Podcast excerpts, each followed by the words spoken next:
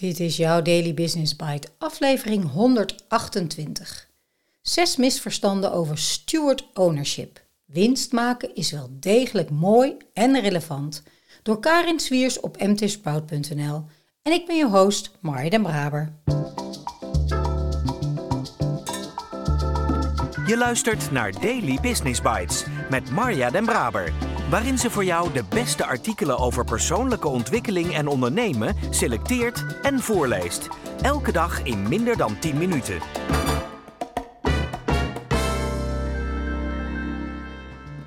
Een hele fijne dag en welkom terug bij de Daily Business Bites. Of welkom als je voor de eerste keer luistert. Dit is de podcast waarin ik je de beste artikelen voorlees die je kan vinden over ondernemen en persoonlijke ontwikkeling soms een beetje te enthousiast, maar ik kan het niet helpen. Ik houd van het onderwerp en van lezen. Dus dank dat je met mij meeluistert vandaag en elke dag. Met steward ownership voorkom je dat hebberige aandeelhouders je bedrijf kaalplukken.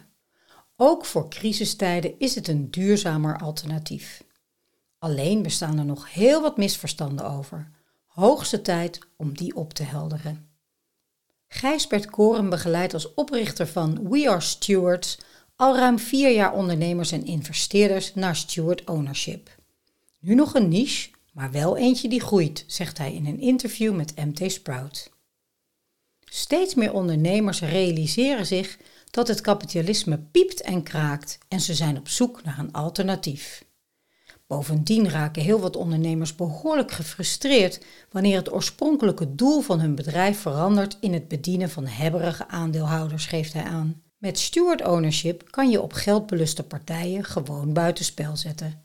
Steward ownership vertrekt vanuit het idee dat een bedrijf van zichzelf is. Het financiële eigendom en de zeggenschap zijn van elkaar gescheiden. Je kan dit concept op allerlei manieren vormgeven en dat maakt het ook wel pionieren. Er is geen hapklaar draaiboek. Je bepaalt als ondernemer zelf hoe je het wilt. Bedien je de aandeelhouders of de missie?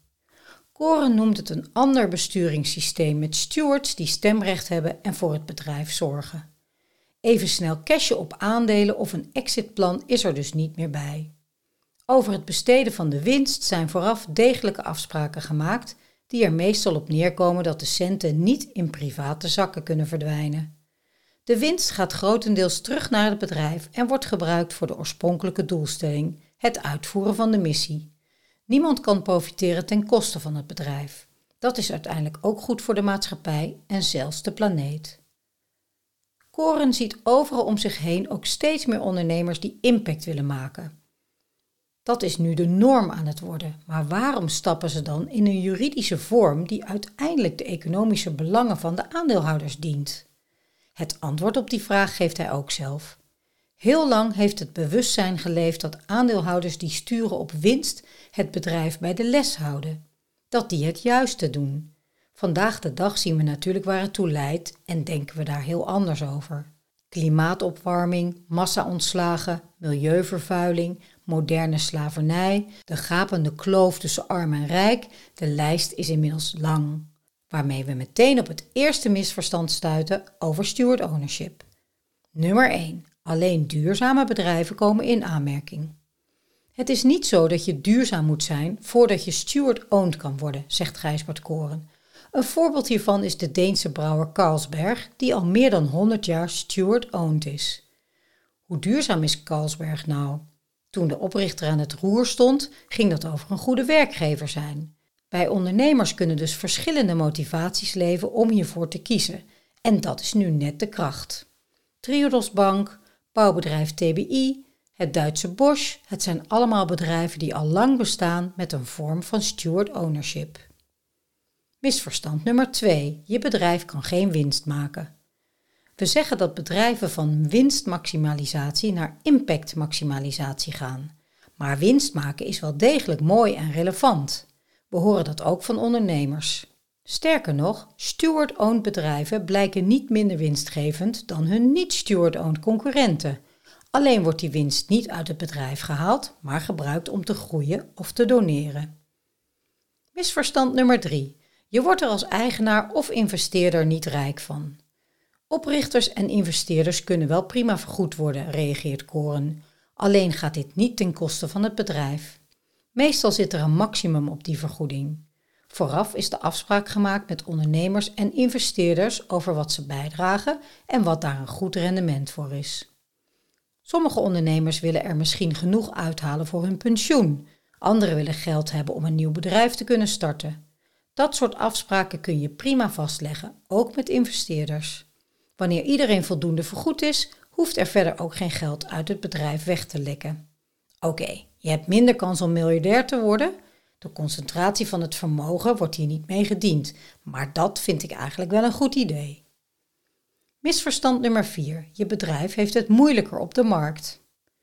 In Denemarken zijn relatief veel steward-owned bedrijven en daar is om die reden het meeste wetenschappelijke onderzoek gedaan naar hun prestaties, weet Koren. Er is onder meer geanalyseerd hoe ze gereageerd hebben op de financiële crisis van 2007-2008. Wat blijkt? Steward-owned bedrijven hebben minder staatssteun nodig.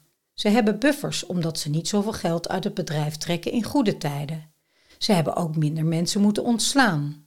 Daardoor ligt de arbeidsproductiviteit lager, maar ze krijgen er wel loyale medewerkers voor terug.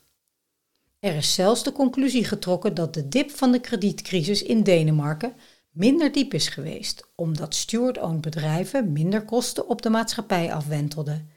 Je krijgt dus niet alleen een weerbaarder bedrijf, maar zelfs een weerbaardere economie. Misverstand nummer 5. Je vindt geen financiering met steward ownership. Het afsluiten van leningen is altijd moeilijk, omdat banken nu eenmaal risicoavers zijn, weet Koren. Een bank kan steward ownership wel spannend of gek vinden.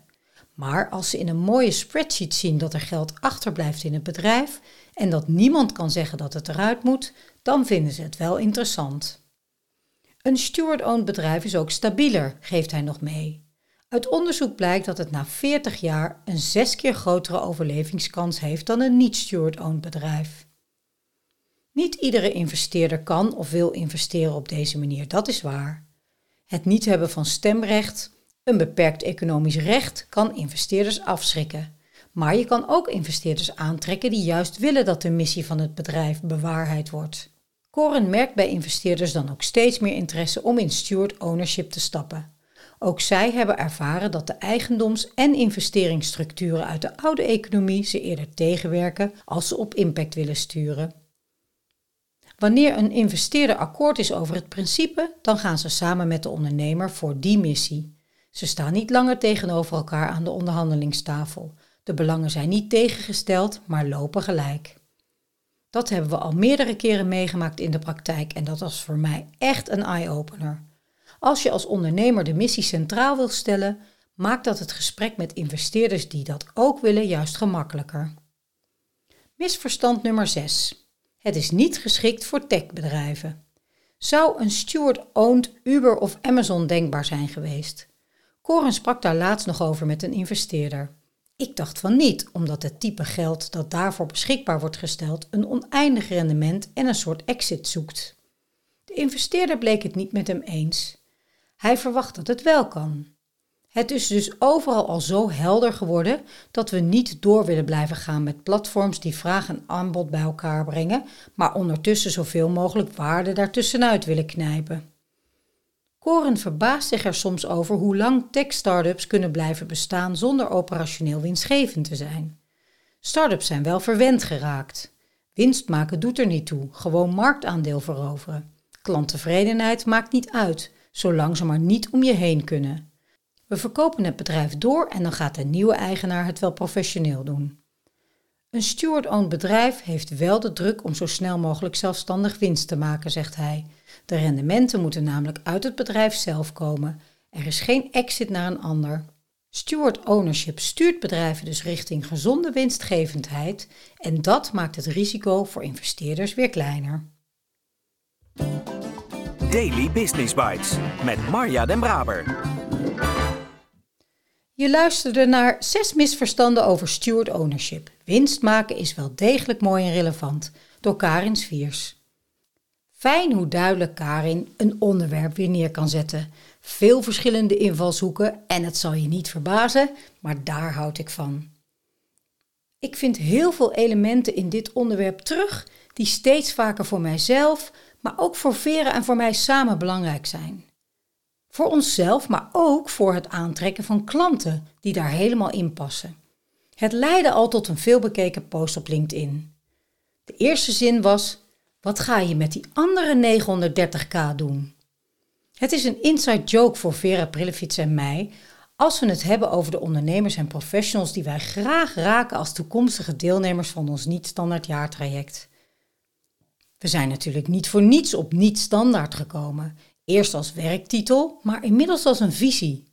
Niet zozeer om tegen dingen aan te schoppen, maar om jouw eigen pad te vinden in deze wereld, die al ingewikkeld genoeg is. Oude systemen die wankelen, nieuw leiderschap, nieuwe manieren en systemen die zo hard nodig zijn. En wat heeft dat te maken met die 930.000 euro's of dollars dan? Wij gunnen jou alle omzet, inkomsten en geld in de wereld. Wil je 100k omzetten of verdienen? 1 miljoen? 10 miljoen? Het kan. Of zoals Vera altijd zegt, omzet maken of de grote stap in jouw salaris is het makkelijkste. Het mag ook. Het mag echt ook goed zijn voor jou. Maar wat ons betreft komen er toch nog wat dimensies bij. Is het niet alleen goed voor jou, maar ook goed voor de ander of goed voor het groter geheel? Wat wil je creëren? Wat wil je betekenen? En voor wie wil je dat? We hebben al zulke prachtige voorbeelden in onze zorgvuldig samengestelde groep. Van het creëren van veilige omgevingen voor kinderen, het opleiden van change agents, het dichten van de digitale kloof, een eenvoudig in te voeren vitaliteitsconcept voor gezonde voeding in gezondheidsinstellingen, tot op jouw eigen voorwaarden een geweldige carrière stap maken in de corporate wereld. Jouw eigen niet-standaard pad. Ik spreek je graag morgen weer.